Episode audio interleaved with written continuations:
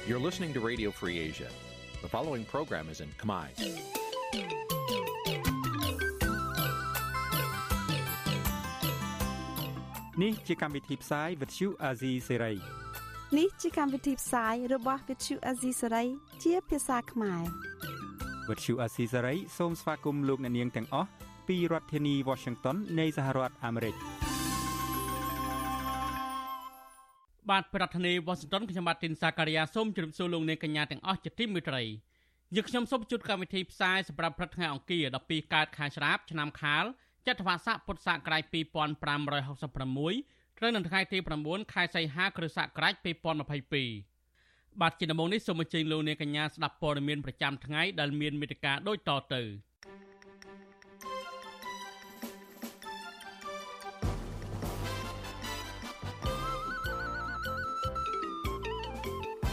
សហរដ្ឋអាមេរិកបញ្ជូនវត្ថុបុរាណនៅក្នុងសតវត្សទី10ទៅឲ្យកម្ពុជាវិញអង្គការសិទ្ធិមនុស្សអន្តរជាតិជំរុញឲ្យជប៉ុនដាក់សម្ពាធលើកម្ពុជាឲ្យបញ្ឈប់ការបង្ក្រាបមកលើសហជីពនៅ Nagavel ព្រោះជប៉ុនជាម្ចាស់ជំនួយដ៏ធំរបស់កម្ពុជាសកម្មជនប្រៃឈើរិះគន់រដ្ឋាភិបាលលហ៊ុនសែនថាបំពានលើការស្នើសុំរបស់ព្រះមហាក្សត្រឲ្យបញ្ឈប់ការកាប់បំផ្លាញប្រៃឈើ ជនជាតិដើមភាគតិចនៅខេត្តព្រះវិហារប្រារព្ធទិវាសិទ្ធិជនជាតិដើមភាគតិចផ្ដោតលើបញ្ហាស្បៀងអាហាររួមនឹងព័ត៌មានផ្សេងផ្សេងមួយចំនួនទៀតបាទលោកនាងជាទីមេត្រីជាបន្តទៅនេះខ្ញុំបាទសូមជូនព័ត៌មានពិស្ដាបាទលោកជាទីមេត្រីអាញាធរស្រុកអាមេរិកប្រកល់រូបចម្លាក់បុរាណចំនួន30មកឲ្យកម្ពុជាវិញបន្ទាប់ពីដោះស្រាយបញ្ចប់បណ្ដឹង មេធាវីរដ្ឋាភិបាលអាមេរិកលោក Damian William ថ្លែងនៅក្នុងពិធីប្រគល់ចម្លាក់បុរាណនៅទីក្រុងញូវយ៉កកាលពីថ្ងៃទី8សីហាម្សិលមិញថាវត្ថុបុរាណទាំង30នឹងបានវិលត្រឡប់ទៅប្រទេសដើមវិញគឺត្រឡប់ទៅទីកន្លែងដែលវត្ថុសិល្បៈទាំងនោះត្រូវគេលួចនាំចេញមកលក់នៅក្រៅប្រទេសពិធីប្រគល់វត្ថុបុរាណឲ្យកម្ពុជាដោយអាជ្ញាធរសហរដ្ឋអាមេរិកកាលពីថ្ងៃទី8សីហានេះមានការចូលរួមពីឯកអគ្គរដ្ឋទូតកម្ពុជាប្រចាំនៅរដ្ឋធានី Washington លោកកៅជា នឹងមានការចាក់បញ្ចាំងសារថ្លែងអំណរគុណរបស់រដ្ឋមន្ត្រីក្រសួងវប្បធម៌កម្ពុជាលោកស្រីភឿងសកលណាពិធីប្រគល់វត្ថុបុរាណទាំងនេះធ្វើឡើងបន្ទាប់ពីរឿងក្តីនៅតុលាការពាក់ព័ន្ធនឹងចម្លាក់បុរាណទាំងនោះបានបញ្ចប់លោកមេធាវីដេមៀនវីលៀមបានដាក់ពាក្យប្តឹងរដ្ឋាភិបាលទៅតុលាការបន្តបន្ទាប់គ្នាទៅកាន់តុលាការសហព័ន្ធអាមេរិកចាប់តាំងពីឆ្នាំ2021មកដើម្បីបញ្ជូនវត្ថុបុរាណរបស់បានពីអ្នកពាក់ព័ន្ធនឹងការជួញដូរខុសច្បាប់ របស់អ្នកទិញលក់វត្ថុបុរាណលោក Douglas Latford ជំនួយខុសច្បាប់របស់លោក Douglas Latford បានលាតត្រដាងដោយសមាគមព័ត៌មានស៊ើបអង្កេតរបស់ក្រុមអ្នកសារព័ត៌មានស៊ើបអង្កេតដែលដាក់ឈ្មោះថា Pandora Paper ការិយាល័យរដ្ឋអាជ្ញារបស់អាមេរិកនិងការិយាល័យស៊ើបអង្កេតនៃក្រសួងសន្តិសុខមាតុភូមិអាមេរិកបានស៊ើបអង្កេតនិងដំណើរការកាត់ក្តីក្នុងតុលាការពាក់ព័ន្ធវត្ថុបុរាណខ្មែរដែលបានរឹបអូសបាននោះរហូតឈានដល់អាចប្រកល់មកឲ្យកម្ពុជាវិញ។ វត្ថុបុរាណទាំងនោះរួមមានរូបបដិមាផ្នែកពុទ្ធសាសនា និងព្រហ្មញ្ញសាសនានាសម័យអង្គរ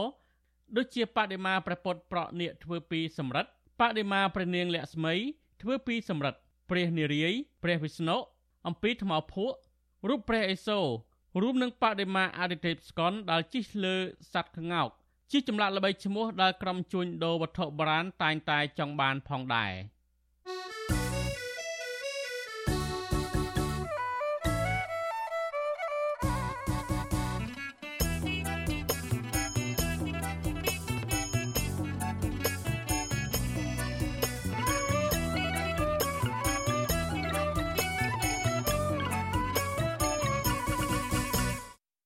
លោកនាយកទីមេត្រីតកតងនឹងបាតកោនៅក្រុមហ៊ុន Nagavel វិញអង្គការឃ្លាំមើលសិទ្ធិមនុស្សអន្តរជាតិ Human Rights Watch ជំរុញឲ្យប្រទេសជប៉ុនដាក់សម្ពាធមកលើកម្ពុជា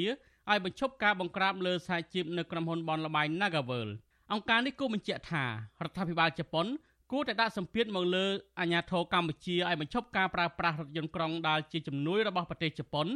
យកទៅដឹកកោតក្រ Nagavel ទៅទម្លាក់ចោលនៅជាយក្រុងភ្នំពេញទាំងបង្ខំតទៅទៀត អង្គការនេះថាចំណាត់ការរបស់រដ្ឋាភិបាលកម្ពុជាមកលើកម្មករ Nagavel រំលោភទៅលើសិទ្ធិជាមូលដ្ឋានរបស់ពួកគេក្នុងការធ្វើកោតកម្មនិងសេរីភាពនៃការជួបប្រជុំនិងការបញ្ចេញមតិមន្ត្រីកម្មវិធីប្រចាំតំបន់អាស៊ីរបស់អង្គការ Human Rights Watch លោក Tebay Kazai ថ្លែងនៅក្នុងសេចក្តីថ្លែងការណ៍របស់អង្គការនេះផ្សាយនៅថ្ងៃទី8សីហាថា ជប៉ុនគួរតែទាមទារឲ្យអាជ្ញាធរកម្ពុជាបញ្ឈប់ការប្រើប្រាស់ខុសគោលដៅនៅរថយន្តក្រុងដែលជាជំនួយផ្ដល់ឲ្យដោយអ្នកបង់ពន្ធជាប្រដ្ឋជប៉ុនលោកសង្កត់ធ្ងន់ថាបើមិនដូច្នោះទេជប៉ុននឹងប្រឈមនឹងការចាប់ប្រកាន់ថាបានចូលដៃជាមួយរដ្ឋាភិបាលកម្ពុជាក្នុងការរំលោភសិទ្ធិរបស់កម្មករនិយោជិតនៃក្រុមហ៊ុន Nagavel ដែលជាកោតក្រមន្ត្រីរូបនោះបន្តថារដ្ឋាភិបាលជប៉ុនគួរតែលើកកម្ពស់សិទ្ធិរបស់កម្មករនិយោជិតនៅក្រៅប្រទេស ដោយមិនត្រូវអនុញ្ញាតឲ្យជំនួយបរទេសរបស់ខ្លួនត្រូវបានរដ្ឋាភិបាលបរទេសយកទៅប្រើប្រាស់ដើម្បីធ្វើឲ្យទុនខ្សោយដល់សិទ្ធិទាំងនេះទេបើតាមអង្គការ Human Rights Watch រដ្ឋាភិបាលជប៉ុនកាលពីថ្ងៃទី27កញ្ញាឆ្នាំ2016បានចុះហត្ថលេខាផ្ដល់ជំនួយឥតសំណងចំនួនជិត10លានដុល្លារប្រកបរថយន្តក្រុងចំនួន80គ្រឿងដល់អាជ្ញាធររដ្ឋាភិបាលលោកហ៊ុនសែនអង្គការនេះថាផ្អែកតាមវីដេអូដែលកោតក្របានថតបង្ហោះនៅលើបណ្ដាញសង្គម អាញាធរកម្ពុជាពិតជាប្រើប្រាស់រថយន្តក្រុងដែលដូចគ្នាទៅនឹងរថយន្តក្រុងដែលជាជំនួយរបស់ប្រទេសជប៉ុនមែនមន្ត្រីកម្មវិធីអង្គការ Human Rights Watch លោកតេបៃកាហ្សៃលើកឡើងថាក្រុងតូក្យូគួរតែផ្ញើសារជាក់ច្បាស់ទៅរដ្ឋាភិបាលកម្ពុជាថាការគោរពសិទ្ធិមនុស្សគឺជាស្នូលនៃទំនាក់ទំនងទ្វេភាគីរវាងប្រទេសទាំងពីរអង្គការ Human Rights Watch ដដែលកាលពីថ្ងៃទី24មិថុនាអះអាងថា អង្គការនេះបានសរសេរលិខិតមួយច្បាប់ផ្ញើជូនទីភ្នាក់ងារកិច្ចការសហប្រតិបត្តិការអន្តរជាតិរបស់ជប៉ុនចៃការដែលស្នើឲ្យទីភ្នាក់ងារនេះបញ្ចេញព័ត៌មានថាតើរដ្ឋាភិបាលជប៉ុនបានសម្ដែងក្តីកង្វល់ឬចាត់វិធានការជាក់លាក់ណាមួយជំវិញនឹងការដែលរដ្ឋាភិបាលកម្ពុជាយករថយន្តក្រុងដែលជាជំនួយរបស់ប្រទេសជប៉ុនយកទៅប្រើប្រាស់ខុសគោលដៅបែបនេះទីភ្នាក់ងារនេះបានឆ្លើយតបមកអង្គការនេះវិញនៅថ្ងៃទី28កក្កដាថារដ្ឋាភិបាលជប៉ុននិងទីភ្នាក់ងារចៃការ មានទំនាក់ទំនងជិតស្និទ្ធជាប្រចាំជាមួយរដ្ឋាភិបាលកម្ពុជារួមទាំងអំពីស្ថានភាពសិទ្ធិមនុស្សផងនិងថារដ្ឋាភិបាលជប៉ុនកំពុងតែធ្វើការលើបញ្ហានេះតាមរបៀបសមស្របមួយទីភ្នាក់ងារចៃការរបស់ជប៉ុនពន្យល់បន្តថាដែលគិតគូរដល់បញ្ហាការទូតទីភ្នាក់ងារចៃការសូមមិនធ្វើអត្ថាធិប្បាយលម្អិតអំពីការប្រាស្រ័យទាក់ទងជាមួយអាជ្ញាធរកម្ពុជាឡើយទាក់ទងនឹងបញ្ហានេះ អភិបាលរងរាជធានីភ្នំពេញលោកមានច័ន្ទយ៉ាដាបដិសេធមិនផ្ដល់អធិប្បាយជំវិញនឹងរឿងនេះទេដោយលោកជំរុញឲ្យទៅសួរអ្នកនាំពាក្យសាលាក្រុងភ្នំពេញលោកមេតមេភក្តីដែលមិនអាចតាក់ទងបានវិទ្យុអសិរ័យកំពុងតាក់ទងស្ថានទូតជប៉ុនប្រចាំកម្ពុជាដើម្បីសំប្រតិកម្មជំវិញនឹងរឿងនេះ។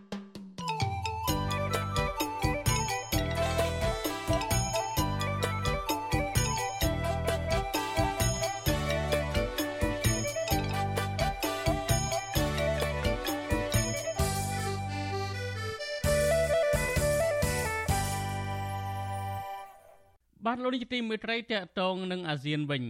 លោកនាយករដ្ឋមន្ត្រីហ៊ុនសែនដែលជាប្រធានបដូវវេនអាស៊ានអះអាងថាអាស៊ានមិនអាចធានាមិនឲ្យមានទំនាស់និងសង្គ្រាមបានទេប៉ុន្តែអាស៊ានបានដើរតួនាទីបើកចំហសម្រាប់ការសន្ទនា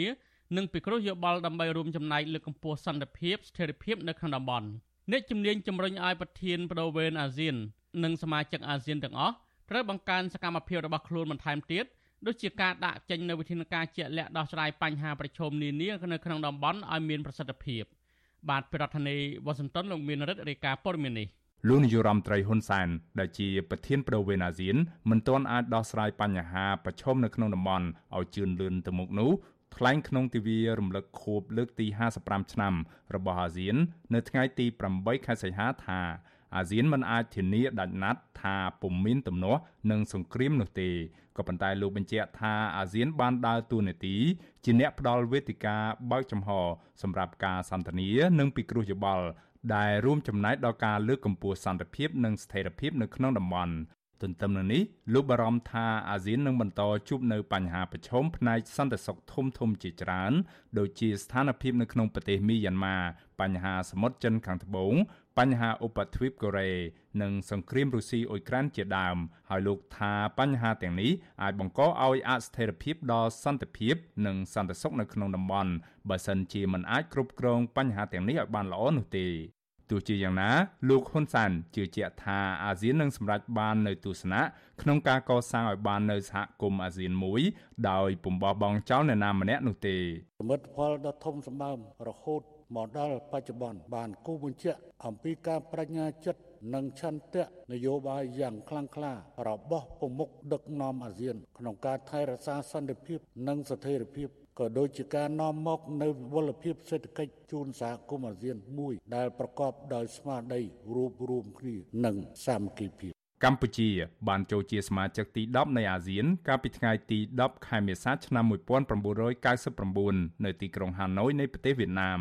ក្នុងរយៈពេលជាង23ឆ្នាំមកនេះលោកហ៊ុនសែនអះអាងថាកម្ពុជាកំពុងដើរតួនាទីសកម្មនៅក្នុងដំណើរការកសាងសហគមន៍អាស៊ាន និងការបដិញ្ញាចិត្តជំរុញស្មារតីរួបរวมរបស់អាស៊ានដើម្បីដោះស្រាយបញ្ហាប្រឈមក្នុងតំបន់ លោកបញ្ជាក់ថាអាស៊ានចាំបាច់ត្រូវឈរលើជំហរនៃការឯកភាពគ្នា សម្រាប់កិច្ចសហប្រតិបត្តិការនិងដើម្បីផលប្រយោជន៍ទៅវិញទៅមកដោយលើកកម្ពស់ស្មារតីអាស៊ាននៃការរួបរวมទាំងផ្ទៃក្នុងរបស់អាស៊ាន និងជាមួយប្រទេសដៃគូខាងក្រៅ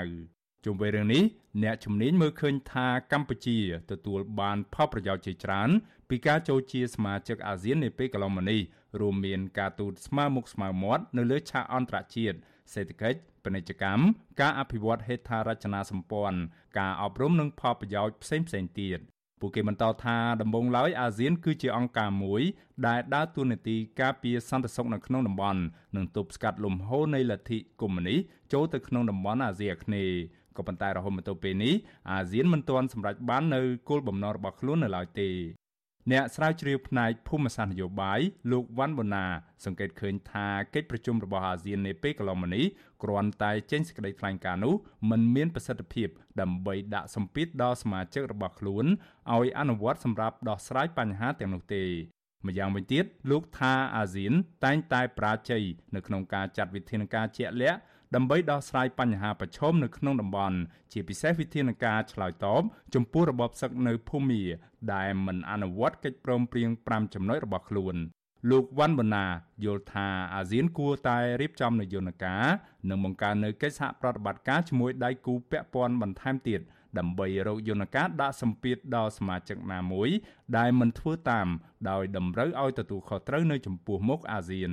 បញ្ហាដែលកំពុងកើតមានហ្នឹងមួយចំនួនហ្នឹងវាទាំងបញ្ហាភូមិអីក៏ដូចគ្នាវាហួសពីសមត្ថភាពរបស់អាស៊ានដែលត្រូវដោះស្រាយភាសាយន្តការរបស់អាស៊ានហ្នឹងបានត្រឹមតែពិភាក្សាហើយនឹងពិគ្រោះយោបល់និងផ្ដល់ជាវេទិកាសម្រាប់ការសន្ទនាគ្នាជាប្រទេសទៅនឹងរកដំណោះស្រាយអញ្ចឹងទេបញ្ហានានានៅក្នុងតំបន់ជាពិសេសបញ្ហាភូមិបញ្ហាអីផ្សេងទៀតវាត្រូវការយន្តការអាស៊ានបូកជាមួយនឹងអង្គការសហជីវជាតិនិងដៃគូពាក់ព័ន្ធច្រើនទៀតផង ចំណែកឯអ្នកជំនាញផ្នែកវិជាសាស្ត្រនយោបាយលោកអែមសវណ្ណារាវិញលោកមើលឃើញថាអាស៊ានហាក់មិនមានអធិបុលនៅក្នុងការដោះស្រាយបញ្ហារបស់សមាជិកខ្លួន និងបញ្ហានៅក្នុងតំបន់ឲ្យបានជោគជ័យនោះទេ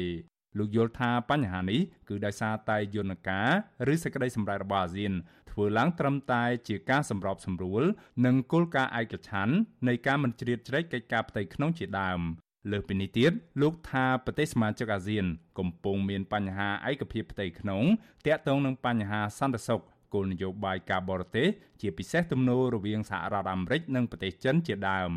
ដូច្នេះលោកអែមសវណ្ណារាមិនរំពឹងថាសមាគមនៅក្នុងតំបន់អាស៊ាននេះសម្រាប់តាមគោលដៅនៃការកសាងសហគមន៍អាស៊ានតែមួយនៅឆ្នាំ2025បាននោះទេ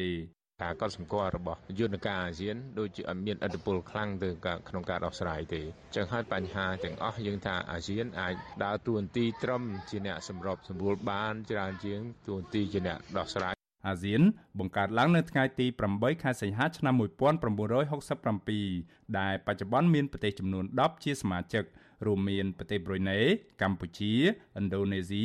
ឡាវម៉ាឡេស៊ីភូមាហ្វីលីពីន សិង្ហបុរី ថៃ និងប្រទេសវៀតណាមខ្ញុំបាទមេរិត Visual C ស្រីរាយការណ៍ពីរដ្ឋធានី Washington បាទលោកនាងជាទីមេត្រីកម្មវិធីផ្សាយរបស់វិទ្យុអស៊ីសេរីផ្សាយដំណើរគ្នាតាមរយៈរលកធាតុអាកាសខ្លីដូចតទៅពេលព្រឹកចាប់ពីម៉ោង5កន្លះដល់ម៉ោង6កន្លះ តាមរយៈរលកធាតុអាកាសខ្លី12140 kHz ស្មើនឹងកម្ពស់ 25m និង13715 kHz ស្មើនឹងកម្ពស់ 22m ពេលយប់ចាប់ពីម៉ោង7កន្លះដល់ម៉ោង8កន្លះតាមរយៈរលកធាតុអាកាសខ្លី9560 kHz ស្មើនឹងកម្ពស់ 30m 12140 kHz ស្មើនឹងកម្ពស់ 25m និង11885 kHz ស្មើនឹងកម្ពស់ 25m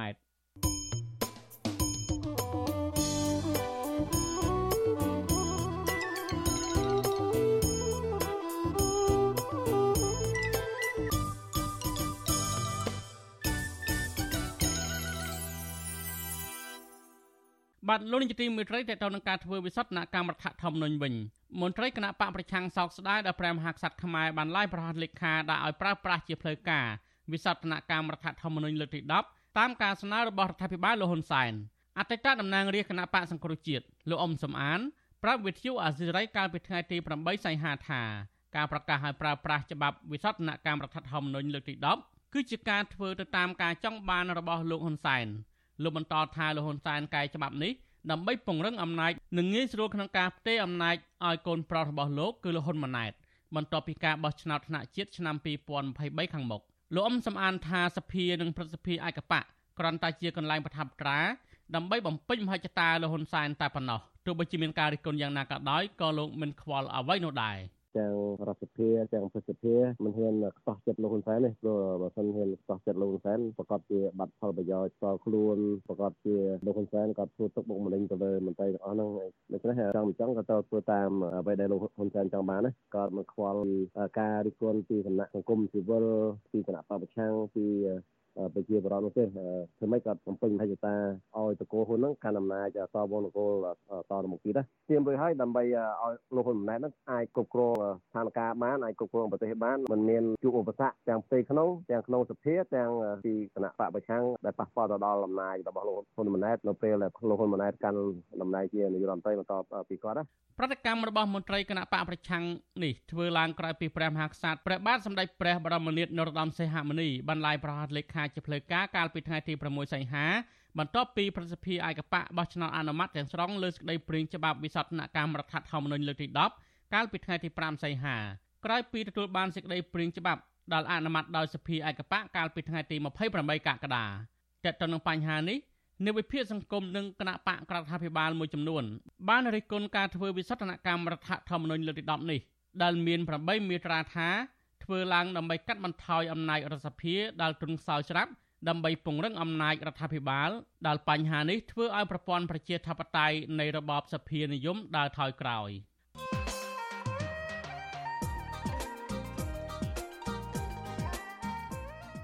បាទលោកនាយកទីមេត្រីតកតងនឹងការឈូសឆាយព្រៃនៅតំបន់ភ្នំតាម៉ៅអស់រាប់រយហិកតា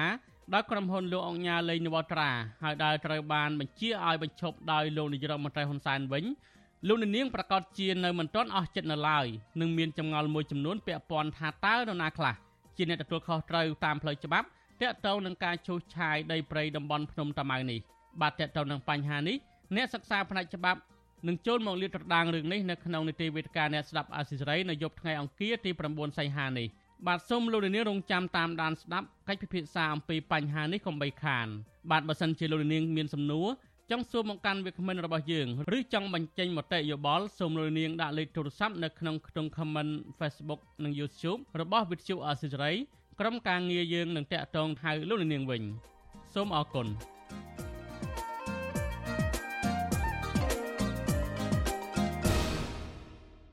បានលោកនាយទីមេត្រីតាក់ទងនឹងរឿងរ៉ាវសកម្មជននយោបាយដែលកំពុងតែជាប់ពន្ធនាគារវិញ សាច់ញាតិសកម្មជនគណបកសង្គ្រោះជាតិដែលកំពុងតែជាប់ឃុំនៅពន្ធនាគារព្រៃសរអះអាងថាប្តីរបស់លោកស្រីធ្លាក់ខ្លួនឈឺដោយសារហូបអាហារគ្មានជីវជាតិមន្ទីរឃុំឃាំងតូចចង្អៀតគ្មានទឹកប្រើប្រាស់គ្រប់គ្រាន់និងទីកន្លែងខ្វះអនាម័យសាច់ញាតិស្នើឲ្យតុលាការដោះលែងក្រុមគ្រួសារមកវិញព្រោះតុលាការបានកាត់ទោសដាក់ពន្ធនាគារទាំងអយុធធរទៅលើសកម្មជនគណបកសង្គ្រោះជាតិទាំងនោះសាច់ញាតិរបស់សកម្មជនគណបកសង្គ្រោះជាតិបារម្ភពីសុខភាពប្តីព្រោះមន្ត្រីពន្ធនាគារព្រៃសរ មិនបានយកចិត្តទុកដាក់ផ្ដល់ម្ហូបអាហារឲ្យបានសមរម្យដល់អ្នកជាប់ឃុំទាំងនោះទេនិងគ្មានថ្នាំព្យាបាលជំងឺដល់ជនជាប់ឃុំឲ្យបានត្រឹមត្រូវទៀតផងបាទប្រធានាធិបតីវ៉ាស៊ីនតោនអ្នកស្រីសុជីវីរាយការណ៍ព័ត៌មាននេះសញ្ញាតរបស់សកម្មជនគណៈបកសង្គ្រោះជាតិបារម្ភពីសុខភាពប្តី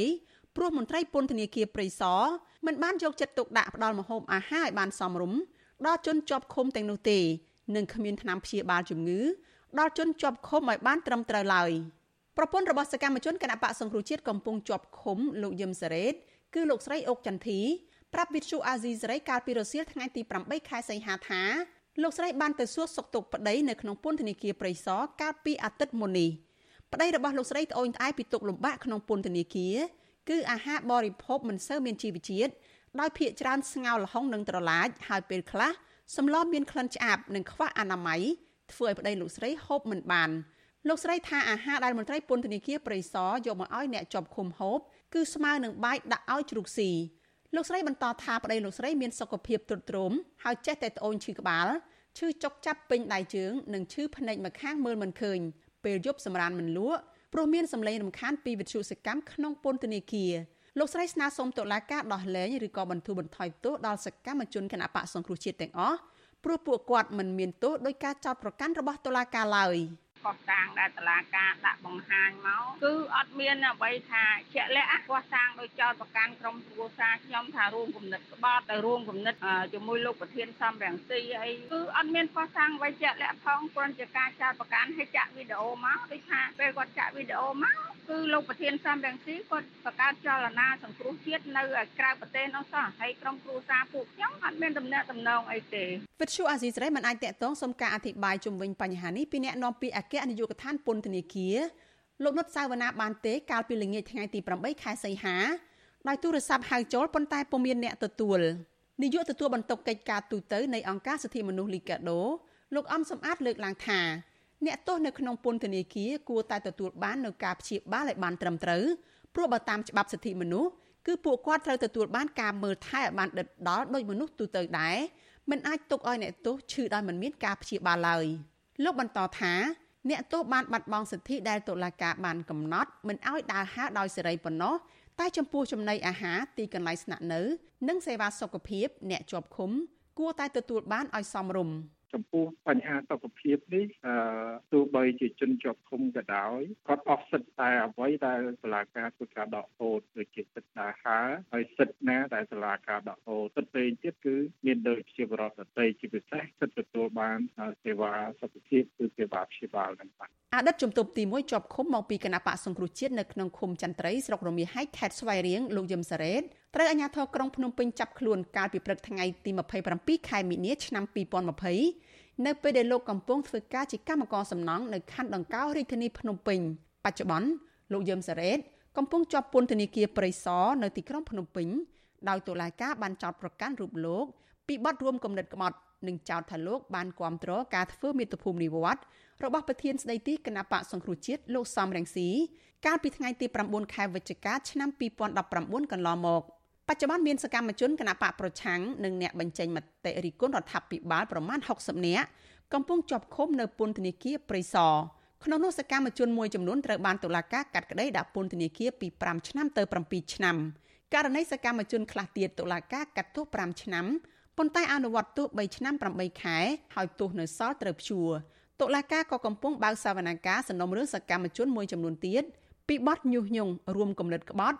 និងញុះញង់មិនឲ្យយោធិនស្ដាប់បង្គាប់ពាក់ព័ន្ធនឹងដំណើរមេត្តាភូមិនិវត្តរបស់លោកសំរងស៊ី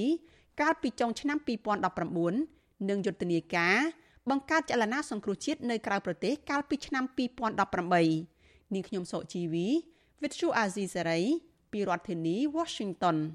បាទលោកនាយកទីមេត្រីក្នុងឱកាសនេះដែរខ្ញុំបាទសូមថ្លែងអំណរគុណដល់លោកនាងកញ្ញាទាំងអស់ដែលតែងតែមានភក្ដីភាពចំពោះការផ្សាយរបស់យើងហើយចាត់ទុកការស្ដាប់វិទ្យុអាស៊ីរីជាផ្នែកមួយ នៃសកម្មភាពប្រចាំថ្ងៃរបស់លោកនាងការគ្រប់គ្រងរបស់លោកនាងនេះហើយដែលធ្វើឲ្យយើងខ្ញុំមានទឹកចិត្តកាន់តែខ្លាំងថែមទៀតក្នុងការស្វែងរកនិងផ្តល់ព័ត៌មានជូនលោកនាងមានអ្នកស្ដាប់មានអ្នកទស្សនាកាន់តែច្រើនកាន់តែធ្វើឲ្យយើងខ្ញុំមានភាពស្វាហាប់មោះមុតជាបន្តទៅទៀតយើងខ្ញុំសូមអរគុណទុកជាមុនហើយសូមអញ្ជើញលោកនាងកញ្ញាចូលរួមជំរុញឲ្យសកម្មភាពផ្តល់ព័ត៌មានរបស់យើងនេះកាន់តែជោគជ័យបន្ថែមទៀត លោកនាងអាចជួយយើងខ្ញុំបានដោយគ្រាន់តែចុចចែករំលែកឬ share ការផ្សាយរបស់យើងនៅលើបណ្ដាញសង្គម Facebook និង YouTube ទៅកាន់មិត្តភ័ក្តិដើម្បីឲ្យការផ្សាយរបស់យើងបានទៅដល់មនុស្សកាន់តែច្រើនសូមអរគុណ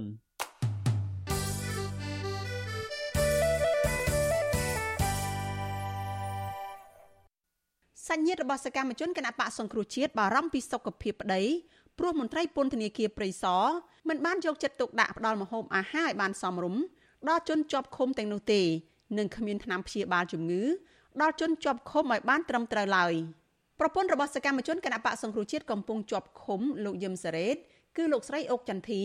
ប្រាប់វិទ្យុអាស៊ីសេរីកាលពីរសៀលថ្ងៃទី8ខែសីហាថា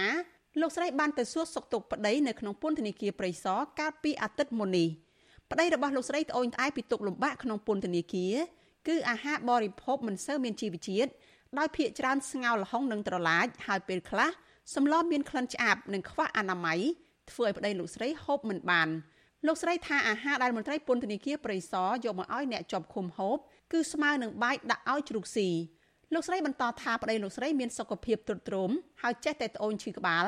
ឈឺចុកចាប់ពេញដៃជើងនិងឈឺភ្នែកម្ខាងមើលមិនឃើញពេលយប់សម្រានមិនលក់ព្រោះមានសម្លេងរំខានពីវិទ្យុសកម្មក្នុងពន្ធនាគារ លោកស្រីស្នើសុំតុលាការដោះលែងឬក៏បន្ធូរបន្ថយទោសដល់សកម្មជនគណបកសង្គ្រោះជាតិទាំងអស់ព្រោះពួកគាត់មិនមានទោសដោយការចោទប្រកាន់របស់តុលាការឡើយ។ ខុសតាងដែលតឡាការដាក់បង្ហាញមកគឺអត់មានអ្វីថាជាក់លាក់ខុសតាងដោយចោតប្រកាន់ក្រុមគ្រួសារខ្ញុំថារួមគំនិតក្បត់ទៅរួមគំនិតជាមួយលោកប្រធានសំរងស៊ីអីគឺអត់មានខុសតាងអ្វីជាក់លាក់ផងគ្រាន់តែការចោតប្រកាន់ឲ្យចាក់វីដេអូមកដូចថាពេលគាត់ចាក់វីដេអូមកគឺលោកប្រធានសំរងស៊ីគាត់បង្កើតចលនាសង្គ្រោះជាតិនៅក្រៅប្រទេសនោះសោះហើយក្រុមគ្រួសារពួកខ្ញុំអត់មានដំណាក់ដំណងអីទេវិទ្យុអាស៊ីសេរីមិនអាចតកតងសុំការអធិប្បាយជុំវិញបញ្ហានេះពីអ្នកនាំពាក្យអគ្គនាយកដ្ឋានពន្ធនាគារលោកនុតសាវណ្ណាបានទេកាលពីល្ងាចថ្ងៃទី8ខែសីហាដោយទូរស័ព្ទហៅចូលប៉ុន្តែពុំមានអ្នកទទួលនាយកទទួលបន្ទុកកិច្ចការទូតនៃអង្គការសិទ្ធិមនុស្សលីកាដូលោកអំសំអាតលើកឡើងថាអ្នកទោសនៅក្នុងពន្ធនាគារគួរតែទទួលបាននូវការព្យាបាលឲ្យបានត្រឹមត្រូវព្រោះបើតាមច្បាប់សិទ្ធិមនុស្សគឺពួកគាត់ត្រូវទទួលបានការមើលថែឲ្យបានដិតដល់ដោយមនុស្សទូទៅដែរមិនអាចទុកឲ្យអ្នកទោសឈឺដោយមិនមានការព្យាបាលឡើយលោកបន្តថា អ្នកទោសបានបាត់បង់សិទ្ធិដែលតុលាការបានកំណត់មិនឲ្យដើរហើរដោយសេរីប៉ុណ្ណោះតែចំពោះចំណីអាហារទីកន្លែងស្នាក់នៅ និងសេវាសុខភាព អ្នកជាប់ឃុំគួរតែទទួលបានឲ្យសមរម្យ ចំពោះបញ្ហាសុខភាពនេះអឺទោះបីជាជនជាប់ឃុំក៏ដោយគាត់អស់សិទ្ធតែអ្វីដែលសាលាការធ្វើការដកហូតដូចជាសិទ្ធិដាហាហើយសិទ្ធិណាដែលសាលាការដកហូតសិទ្ធិផ្សេងទៀតគឺមានដូចជាបរដ្ឋតីជាពិសេសសិទ្ធិទទួលបានសេវាសុខភាពគឺសេវាព្យាបាលនឹងបាទអតីតជំទប់ទី1ជាប់ឃុំមកពីគណៈបកសង្គ្រោះជាតិនៅក្នុងឃុំចន្ទ្រីស្រុករមាសហៃខេត្តស្វាយរៀងលោកយឹមសារ៉េត ត្រូវអាជ្ញាធរក្រុងភ្នំពេញចាប់ខ្លួនកាលពីព្រឹកថ្ងៃទី27ខែមីនាឆ្នាំ2020នៅពេលដែលលោកកំពុងធ្វើការជាកម្មករសំណង់នៅខណ្ឌដង្កោរាជធានីភ្នំពេញបច្ចុប្បន្នលោកយឹមសារ៉េតកំពុងជាប់ពន្ធនាគារព្រៃសរនៅទីក្រុងភ្នំពេញដោយតុលាការបានចោទប្រកាន់រូបលោកពីបទរួមគំនិតក្បត់និងចោទថាលោកបានគាំទ្រការធ្វើមាតុភូមិនិវត្តន៍របស់ប្រធានស្ដីទីគណៈបកសង្គ្រោះជាតិលោកសំរងស៊ីកាលពីថ្ងៃទី9ខែវិច្ឆិកាឆ្នាំ2019កន្លងមក បច្ចុប្បន្នមានសកម្មជនគណៈបកប្រឆាំងនិងអ្នកបញ្ចេញមតិរិះគន់រដ្ឋាភិបាលប្រមាណ60នាក់កំពុងជាប់ឃុំនៅពន្ធនាគារព្រៃសរក្នុងនោះសកម្មជនមួយចំនួនត្រូវបានតុលាការកាត់ក្តីដាក់ពន្ធនាគារពី5ឆ្នាំទៅ7ឆ្នាំ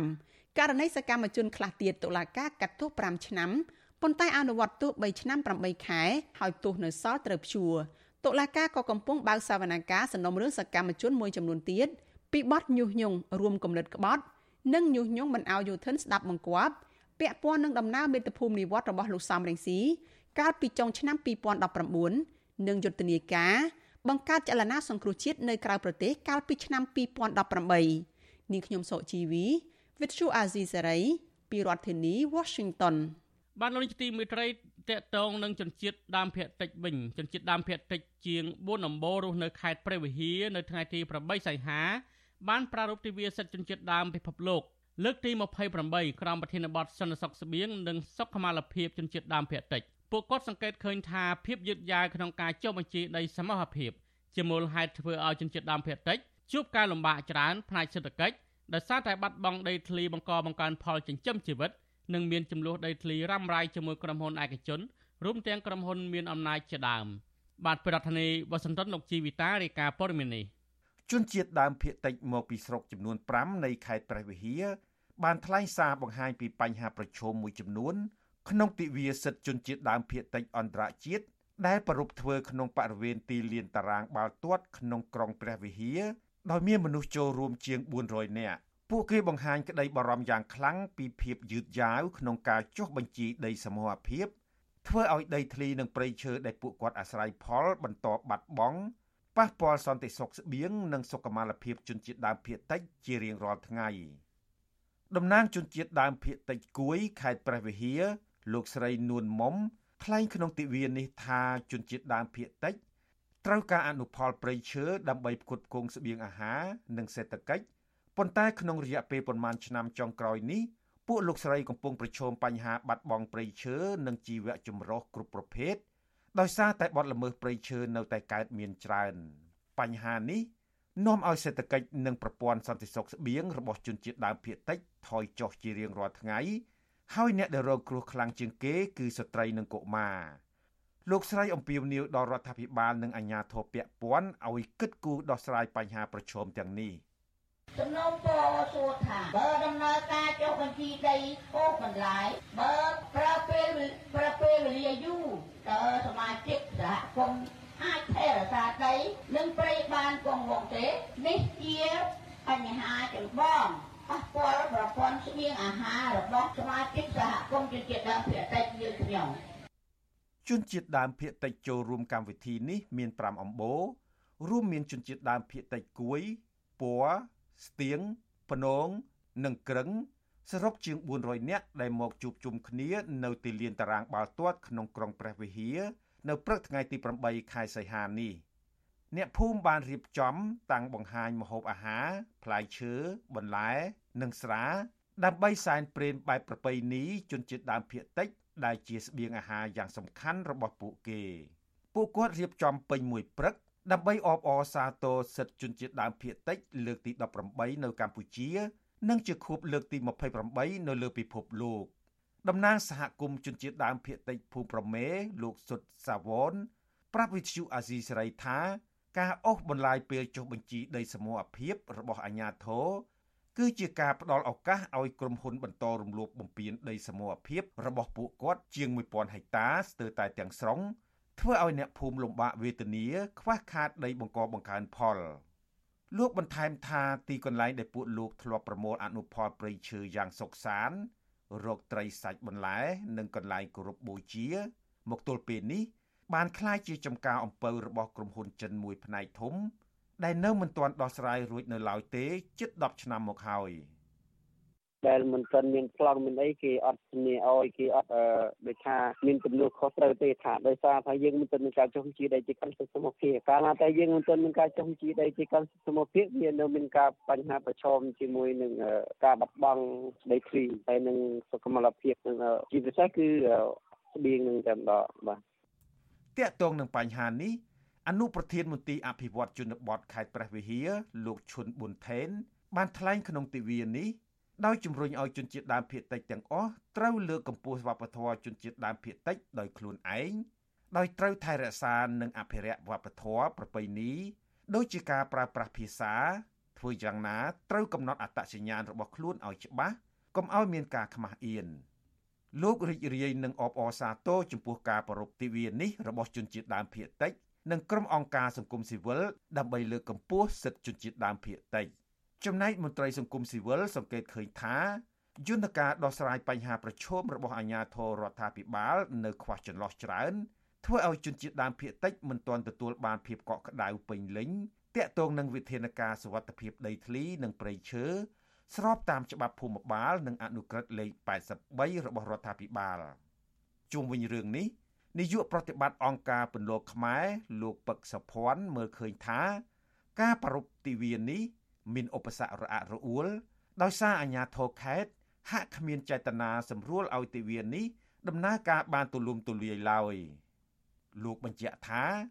អាជ្ញាធរពាក់ព័ន្ធថ្នាក់ខេត្តស្ទើរតែទាំងអស់មិនបានចូលរួមក្នុងកម្មវិធីនេះទេលោកជំរុញឲ្យរដ្ឋាភិបាលគួរតែកំណត់អត្តសញ្ញាណជនជាតិដើមភាគតិចឲ្យបានគ្រប់តំបន់និងលើកកម្ពស់ការយល់ដឹងដល់អាជ្ញាធរនិងមន្ត្រីឲ្យបានច្រើនតាក់ទងនឹងសិទ្ធិរបស់ពលរដ្ឋ ដាក់ពាក្យជូនតំណែងនិងអញ្ជើញដល់អាជ្ញាធរខេត្តមានការតានតឹងលំបាកអាជ្ញាធរហាក់ដូចជាមិនមានចេតនាចង់សម្រួលដល់ការប្រារព្ធទិវានេះទេ សហគមន៍ជនជាតិដើមភាគតិចបន្ថែមថាអាជ្ញាធរថ្នាក់ក្រោមជាតិតែងតែមិនអើពើចេញដីការក្សាការពារដីធ្លីជូនប្រជាពលរដ្ឋស្របតាមអនុក្រឹត្យលេខ83របស់រដ្ឋាភិបាល ដែលជាហេតុផ្ដល់ឱកាសឲ្យក្រុមហ៊ុនបន្តរំលោភបំពានដីសមរភាព ដែលអ្នកភូមិបានស្នើសុំចុះបញ្ជីនិងអាស្រ័យផលបែបប្រពៃណីលើសពីនេះការផ្ដល់ដីសម្បត្តិសេដ្ឋកិច្ចរបស់រដ្ឋាភិបាល គឺជាដើមហេតុនាំឲ្យប្រជាពលរដ្ឋបាត់បង់ដីធ្លីនិងស្រែចម្ការប៉ះពាល់សិទ្ធិរស់នៅនិងប្រពៃណីវប្បធម៌របស់ជនជាតិដើមភាគតិចរីឯការមិនអនុវត្តច្បាប់ព្រៃឈើឲ្យមានប្រសិទ្ធភាព គឺជាវិបត្តិសង្គមមួយទៀតបណ្ដាលឲ្យជនជាតិដើមភាគតិចងាយនឹងប្រឈមបញ្ហាជីវភាពធ្ងន់ធ្ងររួមមានការប្រែប្រួលអាកាសធាតុបាត់បង់ដីចំការវិលជុំការកាប់បំផ្លាញដើមឈើផលិតជ័រទឹក ឬព្រៃស្រោងជាជំរកសត្វនិងបាត់បង់ទឹកអូរស្ទឹងដែលជាប្រភពប្រាក់ចំណូលនិងសន្តិសុខស្បៀងខ្ញុំជីវិតាអាស៊ីសេរី បាទលោកនាយកទីមេត្រីតេតទៅនឹងពលករធ្វើការនៅប្រទេសថៃវិញអគិសនីបានឆក់ពលករនៅខេត្តបន្ទាយមានជ័យម្នាក់ស្លាប់ក្នុងពេលឆ្លងដែនតាមច្រករបៀងពីប្រទេសថៃមកកម្ពុជា សង្គមស៊ីវិលព្រួយបារម្ភពីហានិភ័យរបស់ពលករក្នុងការឆ្លងដែនខុសច្បាប់ទៅធ្វើការនៅប្រទេសថៃពលករខ្មែររស់នៅជាប់ព្រំដែនថៃក្នុងខេត្តបន្ទាយមានជ័យម្នាក់ត្រូវបានអគិសនីឆក់ស្លាប់ខណៈដែលលោកចុះលាងដៃជើងនៅក្នុងប្រឡាយទឹកក្រោយពេលចេញពីធ្វើការនៅប្រទេសថៃឆ្ពោះមកកម្ពុជាវិញ បាទពីរដ្ឋធានីវ៉ាស៊ីនតោនលោកសនច័ន្ទរដ្ឋារាយការណ៍ព័ត៌មាននេះពលករខ្មែរម្នាក់នៅជាប់ព្រំដែនថៃក្នុងខេត្តបន្ទាយមានជ័យបានបាត់បង់ជីវិតដោយសារឆក់ចរន្តអគ្គិសនីខណៈចូលលាងដៃជើងក្នុងប្រឡាយទឹកក្រោយពេលជិះពីធ្វើការនៅប្រទេសថៃឆ្ពោះមកកម្ពុជាវិញហេតុការណ៍នេះកើតឡើងនៅខេត្តស្រះកែវប្រទេសថៃជាប់ខេត្តបន្ទាយមានជ័យកាលពីថ្ងៃទី7ខែសីហាក្រោយពេលកើតហេតុប្រពន្ធកូននៅទីហ៊ានឈុតខ្មៅថៃបានបញ្ជូនជនរងគ្រោះទៅសង្គ្រោះនៅមន្ទីរពេទ្យស្រុកតាប្រយ៉ា ក៏ប៉ុន្តែខាងក្រុមគ្រូពេទ្យបញ្ជាក់ថាជនរងគ្រោះបានស្លាប់ទៅហើយសាកសពជនរងគ្រោះត្រូវបានទាហានឈុតខ្មៅថៃបញ្ជូនមកកម្ពុជាវិញដើម្បីប្រគល់ជូនក្រុមគ្រួសារស្នងការរងទទួលបន្ទុកព្រំដែនលោកអ៊ុំសផល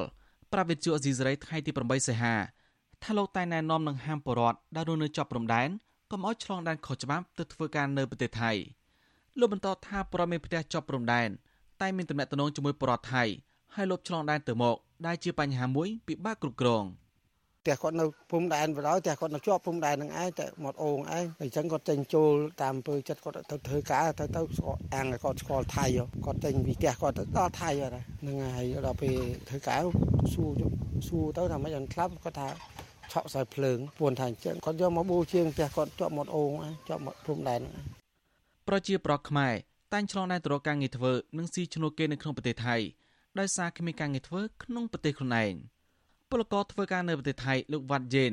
ថ្លែងថាការឆ្លងដែនតាមច្រករបៀងមានការលំបាកហើយប្រឈមគ្រោះថ្នាក់ខ្លាំងដោយសារការធ្វើដំណើរតាមព្រៃ2ទៅ3ថ្ងៃហើយពេលខ្លះតម្រូវស្នាក់នៅក្នុងព្រៃអាស្រ័យទៅលើមេខ្យល់ជាអ្នកនាំលោកបន្តថាពលករខ្លះត្រូវមេខ្យល់កេងប្រវ័ញ្ចនឹងឈរបោកហើយពលករខ្លះក៏រងការគៀបសង្កត់ពីតកែផងដែរ។ មកផ្លូវកាត់ពិបាកឆ្លងអូផងចូលព្រៃផងទំនងតែបានមកដីថៃហ្នឹងគឺពិបាកខ្លាំងប៉ះមេខ្យល់ណានាំមកផ្លូវល្អទៅក៏ដើរទៅវាមិនទៅពិបាកអញ្ចឹងបងតែពេលច្រើនផ្លូវដែលមកផ្លូវកាត់ហ្នឹងគឺពិបាកមានឆ្លងអូឆ្លងព្រៃម្ដងមិនចូលមកថៃគឺ3 4ថ្ងៃជាប់ហ្នឹងដីព្រៃដីអីចឹងដើរតាមព្រៃហ្នឹងមកបងរំតែបានចូលមកដល់ដីថៃហ្នឹងគឺពិបាកខ្លាំងយើងត្រូវដេកក្នុងព្រៃណា2ទៅ3យប់ក៏មាន ជុំវិញរឿងនេះមន្ត្រីគម្រោងនៃអង្គការសង្ត្រាប្រចាំប្រទេសថៃលោកលឹងសុផុនលើកឡើងថាពលករឆ្លងដែនខុសច្បាប់ជាច្រើនអាចជួបគ្រោះថ្នាក់ដោយសារពេលនេះជារដូវវស្សាលោកបន្ថែមថាកន្លងមកពលករតែងជួបគ្រោះថ្នាក់ដូចជាដើរចន់មីនគ្រោះថ្នាក់ចរាចរណ៍ហើយខ្លះទៀតត្រូវទឹកហូរគួចតបាត់នៅពេលដើរឆ្លងទឹកចូលមកប្រទេសថៃលោកបន្តថាមូលហេតុដែលពលករបថុយឆ្លងដែនខុសច្បាប់ភាគច្រើនមកពីកត្តាជីវភាពគ្មានការងារធ្វើនិងជំពាក់បំណុលធនាគារ ជួនកាលទឹកកំពុងហូរគាត់ឆ្លងមកតែតាមទឹកបាត់ទៅក៏មានដែរករណីមួយទៀតភាគច្រើនគឺគាត់មានមានខ្យល់ដែលបើកឡានទៅយកខុសច្បាប់ហ្នឹង ហើយកិច្ចពីលិះកិច្ចទៅហ៊ានអញ្ចឹងទៅគ្រោះថ្នាក់ដោយអបតហេតុឬក៏កិច្ចប៉លិសអញ្ចឹងក៏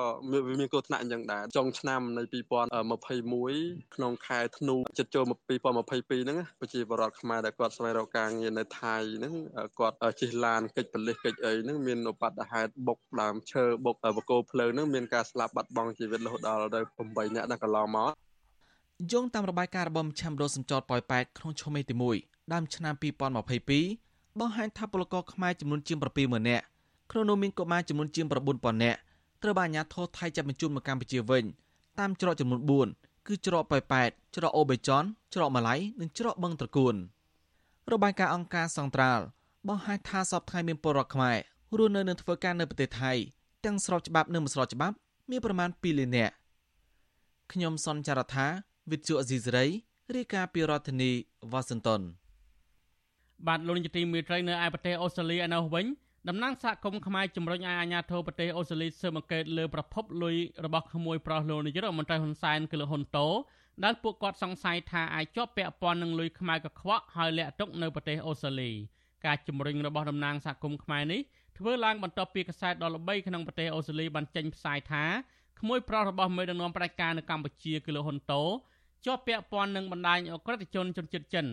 រឿងបាក់ក្រុមហ៊ុនឆបោកនិងជួញដូរមនុស្សលំដាប់ពិភពលោកចេញពីទឹកដីកម្ពុជា បាទលោកថាថៃរីកាព័រមីនេះក្មួយប្រុសរបស់លោកនាយករដ្ឋមន្ត្រីហ៊ុនសែនគឺអុកញ៉ាហ៊ុនតូដែលកំពុងប្រើជីវិតហឺហាជិះឡានទំនើបទំនើបនិងរស់នៅក្នុងភូមិគ្រឹះដ៏ប្រណិតក្នុងទីក្រុងមែលប៊នប្រទេសអូស្ត្រាលីចាប់ផ្ដើមល្បីសុសសាយគេឈ្មោះអាស្រូវទុច្ចរិតជាថ្មីទៀតនៅក្នុងប្រទេសនេះដោយសារមានការចុះផ្សាយលើបណ្ដាញសារព័ត៌មានអន្តរជាតិលាតត្រដាងថា លោកជាប់ពាក់ព័ន្ធនឹងបណ្ដាញប្រព្រឹត្តបទឧក្រិដ្ឋជាច្រើននិងការលាងលុយកខ្វក់រវាងកម្ពុជានិងអូស្ត្រាលីតំណាងសហគមន៍ខ្មែរជឿថាការចុះផ្សាយរបស់សារព័ត៌មានអន្តរជាតិជាបន្តបន្ទាប់នេះគឺជាព័ត៌មានពិតហើយវាជារឿងអាម៉ាស់សម្រាប់កម្ពុជាដែលខ្សែស្រឡាយសាច់ញាតិរបស់អ្នកដឹកនាំកម្ពុជាជាប់ពាក់ព័ន្ធនឹងអំពើទុច្ចរិតបែបនេះអតីតអភិបាលក្រុង Greater Dandenong និងជាប្រធានសមាគមខ្មែរលោកជាយូហុនថ្លែងថា ជាច្រើនទសវត្សរ៍មកហើយពលរដ្ឋខ្មែរដែលបានរត់ភៀសខ្លួនគេចចេញពីរបបដឹកនាំផ្ដាច់ការតចំនួននៅកម្ពុជា បានមកតាំងទីលំនៅក្នុងប្រទេសអូស្ត្រាលីនាំគ្នាខំរកស៊ីត្រឹមត្រូវនិងគោរពច្បាប់របស់ប្រទេសនេះក៏ប៉ុន្តែចុងក្រោយនេះ លោកសង្កេតឃើញថាក្រុមមនុស្សដែលមានសម្ព័ន្ធភាពនឹងសាច់ញាតិមេដឹកនាំកម្ពុជាបច្ចុប្បន្នបានយកលុយពុករលួយនិងលុយខ្មៅមកប្រើជីវិតដ៏អស្ចារ្យក្នុងប្រទេសអូស្ត្រាលីនិងតែងលេចចេញរឿងអាស្រូវជាបន្តបន្ទាប់ដែលនាំឲ្យអាម៉ាស់សម្រាប់សហគមន៍ខ្មែរ។ ខ្ញុំខ្ញុំថារដ្ឋាភិបាលអូស្ត្រាលីគួរតែតាមមើលអ្នកអស់នឹងឲ្យបានដិតដល់ពីព្រោះអី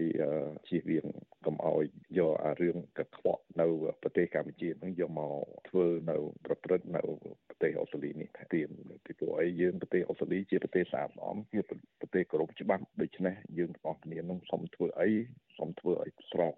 ច្បាប់ទៅរាប់ ពីពួកខ្មែរទាំងអស់គ្នានឹងដេញគ្នាជួនវាខ្លួនហើយនឹងអ្នកដេញមកតាំងទីលំនៅនៅប្រទេសអូស្ត្រាលីនេះខំប្រឹងណាមែនទែនម្នាក់ម្នាក់ធ្វើការទាំងយប់ទាំងថ្ងៃហើយគេគោរពច្បាប់ហើយគេបងពុនបងតាក់អីត្រឹមត្រូវរបស់គេដូច្នេះយើងយើងត្រូវតែធ្វើយ៉ាងម៉េចឲ្យប្រជាជនខ្មែរយើងដេញគ្នារស់នៅនៅទីនេះហ្នឹងគឺឲ្យវាមានមោទនភាពកាលណាវាមានឈ្មោះខ្មែរហ្នឹងកុំឲ្យគេឃើញថាខ្មែរហ្នឹងអាក្រក់ ប៉ុន្មានសប្តាហ៍ចុងក្រោយនេះកាសែត The Australian បានចេញផ្សាយអត្ថបទជាបន្តបន្ទាប់ពាក់ព័ន្ធនឹងខ្សែស្រឡាយកូនចៅអ្នកធំខ្មែរនិងគណៈបកប្រជាជនកម្ពុជាបានលៀងលួយកខ្វក់និងពង្រីកឥទ្ធិពលនយោបាយលើទឹកដីអូស្ត្រាលី ជាពិសេសកាសែត The Australian កាលពីថ្ងៃទី5សីហាបានចេញផ្សាយអត្ថបទមួយដោយដាក់ចំណងជើងធំធំថាក្មួយប្រុសជាអ្នកលេងរបស់មេដឹកនាំផ្ដាច់ការកម្ពុជាលោកហ៊ុនសែនគឺលោកហ៊ុនតូ ត្រូវជាប់សង្ស័យជាថ្មីជាមួយបណ្ដាញអ ுக ្រិតកម្មឆបោកនិងជួញដូរមនុស្សទ្រង់ទ្រាយធំនៅកម្ពុជា ដែលសហការជាមួយអ ுக ្រិតជនជនជាតិចិនកាសែតនេះសរសេរថាលោកហ៊ុនតូគឺជានាយកក្រុមហ៊ុនជាច្រើននៅកម្ពុជា ដែលទូរទស្សន៍អាល់ចាហ្សេរ៉ារកឃើញថាជាប់ទាក់ទិននឹងការជួញដូរមនុស្សមកពីប្រទេសនានាក្នុងតំបន់អាស៊ីដោយបង្ខិតបង្ខំឃុំឃាំងនិងការធ្វើទរណកម្មវាយដំនិងប្រដដំបងឆក់ដើម្បីឲ្យពួកគេធ្វើការឆបោកតាមប្រព័ន្ធបច្ចេកវិទ្យា ដែលមានគោលដៅនៅជុំវិញពិភពលោកក្រុមហ៊ុនទាំងនោះរួមមានធនាគារពាណិជ្ជកម្មហេងហ៊ីក្រុមហ៊ុនហេងហ៊ី Geelong Town Real Estate និងក្រុមហ៊ុនហេងយួនអ៊ីល Geelong Town ដែលមានអ ுக ្រិតជនជនជាតិចិនម្នាក់ទៀតជាអ្នកគ្រប់គ្រងកាសែត The Australian បន្តថាពាណិជ្ជកម្មរកស៊ីរបស់លោកហ៊ុនតូដែលមានវ័យ44ឆ្នាំរូបនេះបានទាក់ទាញចំណាប់អារម្មណ៍របស់អាជ្ញាធរអូស្ត្រាលីដែរ លើសពីនេះកាសែត The Australian ថាអាញាធរអូស្ត្រាលីមានកង្វល់ចំពោះបណ្ដាញអ ுக ្រិតកម្មដ៏មានឥទ្ធិពលរបស់ចិនអាចបញ្ជ្រាបចូលប្រទេសអូស្ត្រាលីតាមរយៈក្រុមអ្នកមានកម្ពុជាដែលមានទំនាក់ទំនងស៊ីជម្រៅជាមួយរបបលោកហ៊ុនសែនដែលពុករលួយដោះស្នឹមទោះជាយ៉ាងណាលោកហ៊ុនតូបានឆ្លើយតបជាមួយទូរទស្សន៍អាល់ចាហ្សេរ៉ាថាលោកមិនបានដឹងអំពីប្រតិបត្តិការអ ுக ្រិតកម្មបច្ចេកវិទ្យានោះទេកាសែត The Australian ក៏បានបង្ហាញរូបថតលោកហ៊ុនតូធ្វើខូបកំណើតជួបជុំក្រុមគ្រួសារ និងរថយន្តទំនើប McLaren P1 នៅកម្ពុជាតម្លៃ1លាន5សែននិងរថយន្តស៊េរីទំនើប Lamborghini តម្លៃ450,000ដុល្លារនៅអូស្ត្រាលីវិទ្យុអស៊ីសេរីនៅមិនអាចតាក់ទងលោកហ៊ុនតូដើម្បីសុំការបកស្រាយដោយផ្ទាល់ពីលោកបានទេចំណែកអ្នកនាំពាក្យអគ្គស្នងការដ្ឋាននគរបាលជាតិលោកឆៃកុំខឿននិងរដ្ឋលេខាធិការក្រសួងមហាផ្ទៃនិងជាអនុប្រធានអចិន្ត្រៃយ៍នៃគណៈកម្មាធិការជាតិប្រយុទ្ធប្រឆាំងការជួញដូរមនុស្សអ្នកស្រីជូប៊ុនអេងវិញ វិទ្យុអស៊ីសេរីក៏មិនអាចតាក់ទងបានដែរនៅថ្ងៃទី7សីហាប្រធានប្រតិបត្តិគណៈបកសង្គ្រោះជាតិប្រចាំរដ្ឋវីកតូរីយ៉ាលោកអិនហេមរ៉ាជឿជាក់ថាលុយមួយភាគធំដែលខ្សែស្រឡាយកូនចៅសាច់ញាតិអ្នកមានអំណាចខ្មែរយកមកចាយហឺហាទិញឡានទំនើបផ្ទះវិឡាប្រណិតប្រណិតនៅអូស្ត្រាលី គឺអាចជាប់ពាក់ព័ន្ធនឹងអំពើពុករលួយនិងបំផ្លាញភោគទ្រព្យជាតិលោកបន្តថាករណីកាសែតអន្តរជាតិចុះផ្សាយរឿងចាប់ចម្រិតនឹងអំពើជួញដូរមនុស្សទ្រង់ទ្រាយធំនៅកម្ពុជាដែលប្រព្រឹត្តដោយក្រុមអ្នកមានលុយមានអំណាចខ្មែរនិងជនជាតិចិន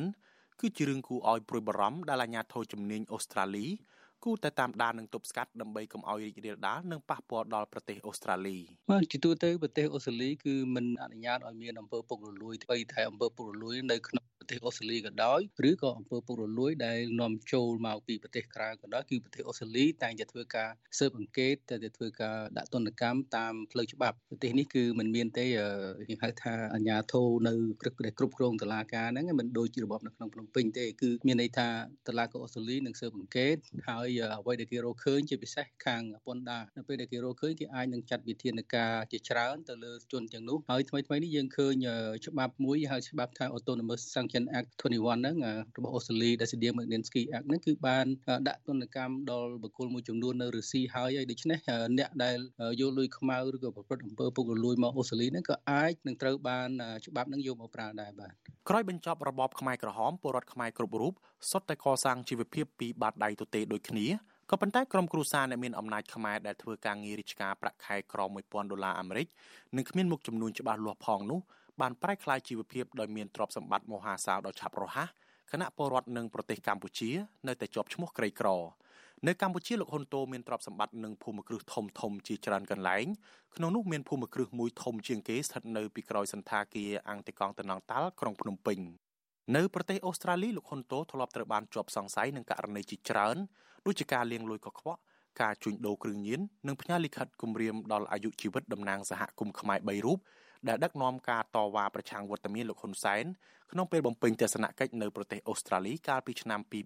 2018ក៏ប៉ុន្តែលោកបានបដិសេធការចោទប្រកាន់ទាំងនេះដោយចាត់ទុកថាគ្មានមូលដ្ឋានត្រឹមត្រូវ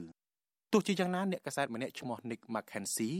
ដែលសរសេរអត្ថបទបែបវិភាគឲ្យទស្សនាវដ្តី The Sting លាតត្រដាងកាលពីឆ្នាំ2012ឲ្យដឹងថាអាញាធរអូស្ត្រាលីពិតជាមានគម្រោងចាប់ឃាត់ខ្លួនលោកហ៊ុនតូនៅទីក្រុងមែលប៊នម្ដងហើយ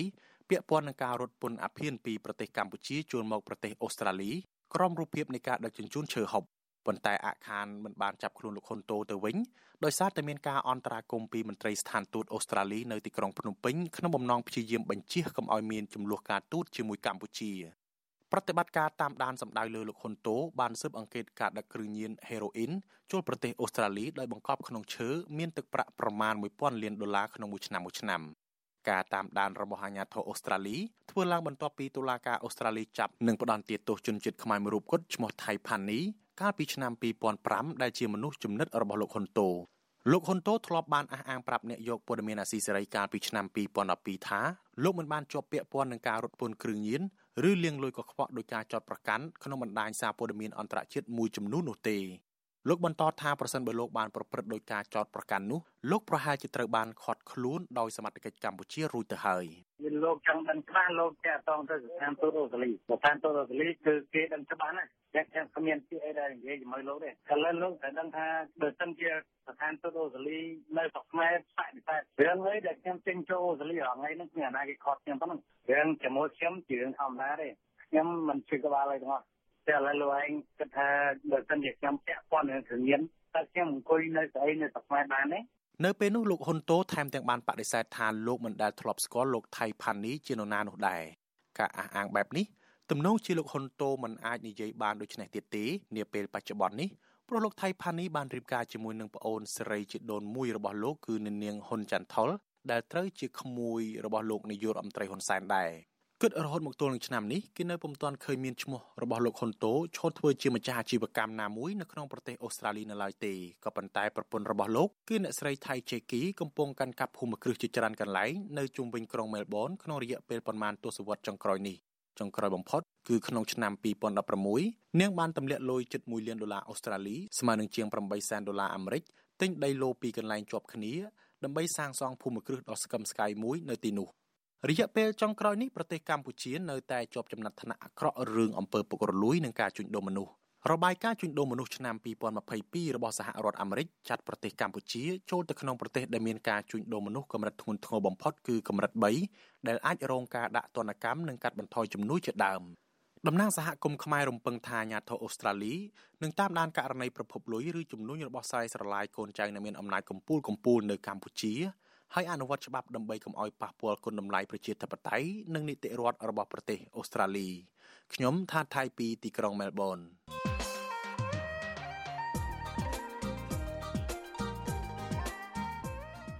បាទលោកនាយកទីមេត្រីតកតងនឹងការឈូសឆាយព្រៃនៅតំបន់ភ្នំតាម៉ៅអស់រាប់រយហិកតាដោយក្រុមហ៊ុនលោកអង្គញាលេងនវត្រាហើយដែលត្រូវបានបញ្ជាឲ្យបញ្ឈប់ដោយលោកនាយរដ្ឋមន្ត្រីហ៊ុនសែនវិញ លោកនាងប្រកាសជានៅមិនទាន់អស់ចិត្តនៅឡើយនឹងមានចម្ងល់មួយចំនួនពាក់ព័ន្ធថាតើនរណាខ្លះជាអ្នកទទួលខុសត្រូវតាមផ្លូវច្បាប់តាក់ទងនឹងការឈូសឆាយដីព្រៃតំបន់ភ្នំតាម៉ៅនេះបាទតាក់ទងនឹងបញ្ហានេះអ្នកសិក្សាផ្នែកច្បាប់នឹងចូលមកលាតត្រដាងរឿងនេះនៅក្នុងនីតិវេទិកាអ្នកស្ដាប់អាស៊ីសេរីនៅយប់ថ្ងៃអង្គារទី9សីហានេះបាទសូមលោកនាងរងចាំតាមដានស្ដាប់កិច្ចពិភាក្សាអំពីបញ្ហានេះកុំបីខានបាទបើសិនជាលោកនាងមានសំណួរ ចង់សួរមកកាន់វាគ្មិនរបស់យើងឬចង់បញ្ចេញមតិយោបល់សូមលោកនាងដាក់លេខទូរស័ព្ទនៅក្នុងខ្ទង់ comment Facebook និង YouTube របស់ Vithu Asisari ក្រុមការងារយើងនឹងតាក់ទងហៅលោកនាងវិញសូមអរគុណ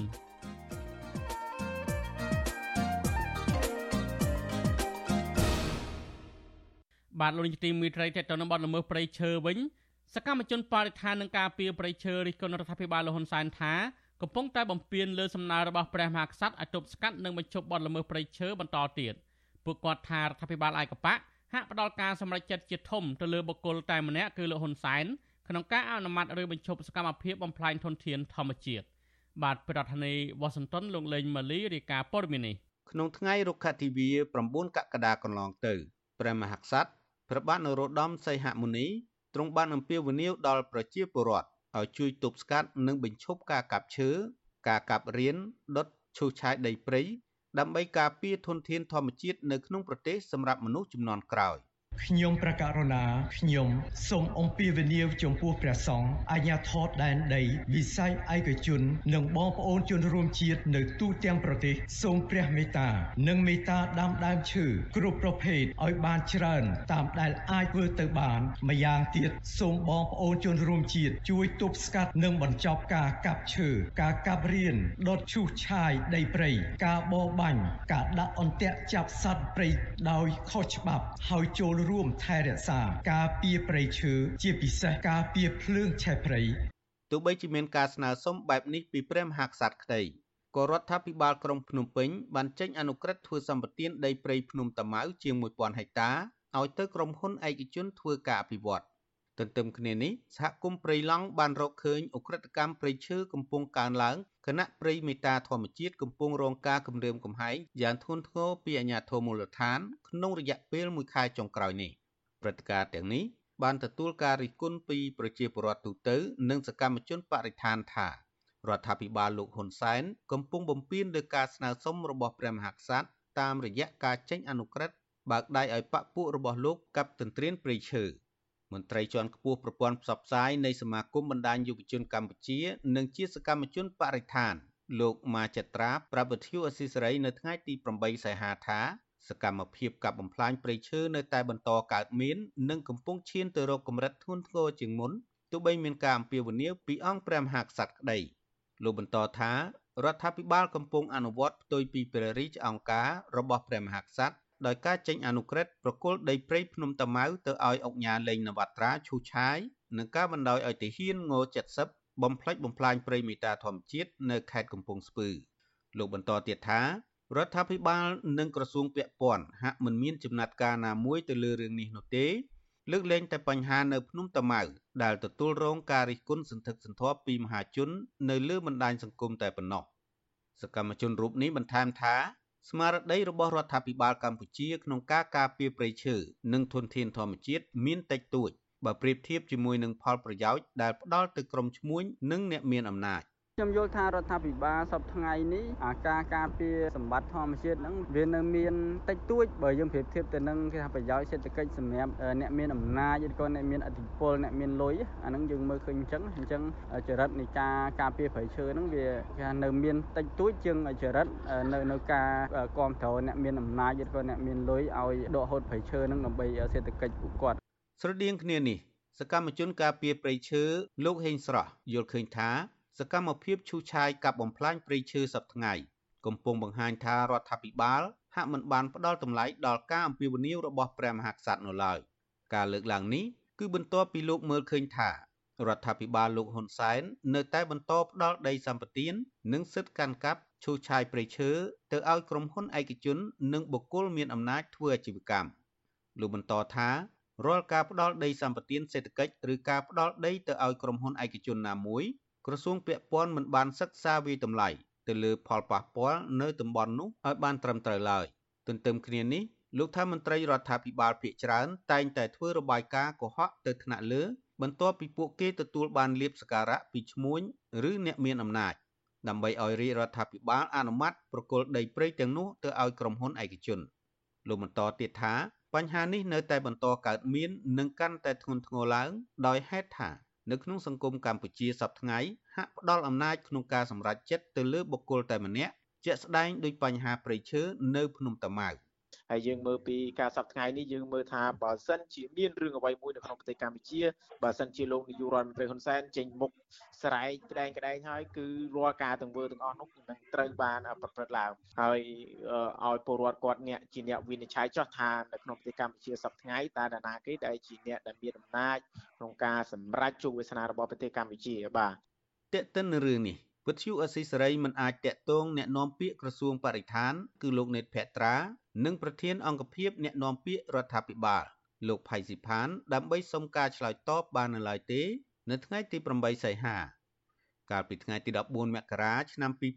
2022ទីស្តីការគណៈរដ្ឋមន្ត្រី បានប្រកាសឲ្យដឹងពីការដោះដូរដីព្រៃភ្នំតាម៉ៅជាង1000ហិកតាឲ្យទៅក្រុមហ៊ុនឯកជនចំនួន2ដើម្បីអភិវឌ្ឍក្រោយមកមានរបាយការណ៍មួយបង្ហាញថាផ្ទៃដីភ្នំតាម៉ៅ700ហិកតាត្រូវបានស្នើសុំដោយក្រុមហ៊ុន TP Moral Group របស់អង្គញាខុនសៀគណៈផ្ទៃដីដែលមិនត្រូវបានប្រាប់ឲ្យដឹងអំពីទំហំ និងបញ្ជាក់ថាជាផ្ទៃដីដែលមានទំហំធំជាងគេត្រូវបានលក់ទៅឲ្យក្រុមហ៊ុនអភិវឌ្ឍរបស់អង្គញាលេងនវត្រា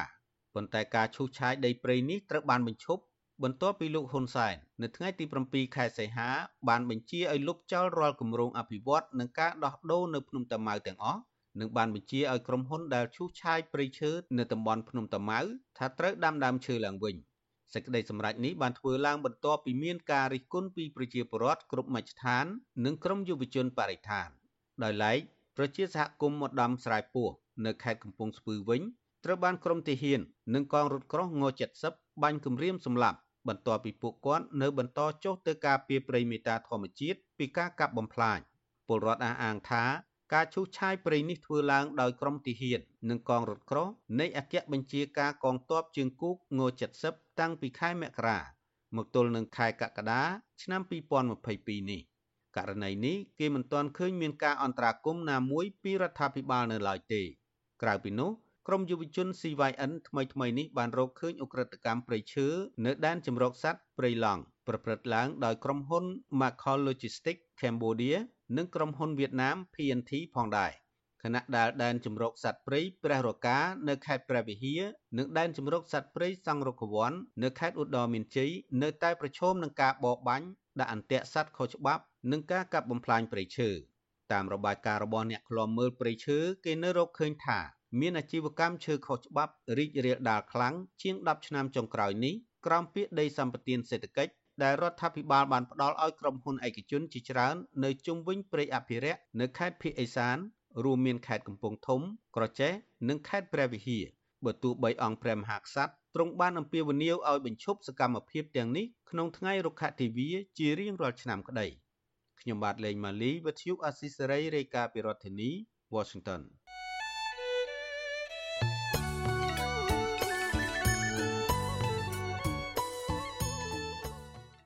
បាទលោកនាងជាទីមេត្រីការផ្សាយរយៈពេល1ម៉ោងនៃវិទ្យុអាស៊ីសេរីជាភាសាខ្មែរនៅពេលនេះចប់តែប៉ុណ្ណេះយើងខ្ញុំសូមជូនពរដល់លោកនាងព្រមទាំងក្រុមគ្រួសារទាំងអស់ឲ្យជួបប្រកបតែនឹងសេចក្តីសុខចម្រើនរុងរឿងកុំបីឃ្លៀងឃ្លាតឡើយ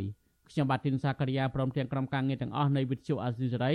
សូមអរគុណនិងសូមជម្រាបលា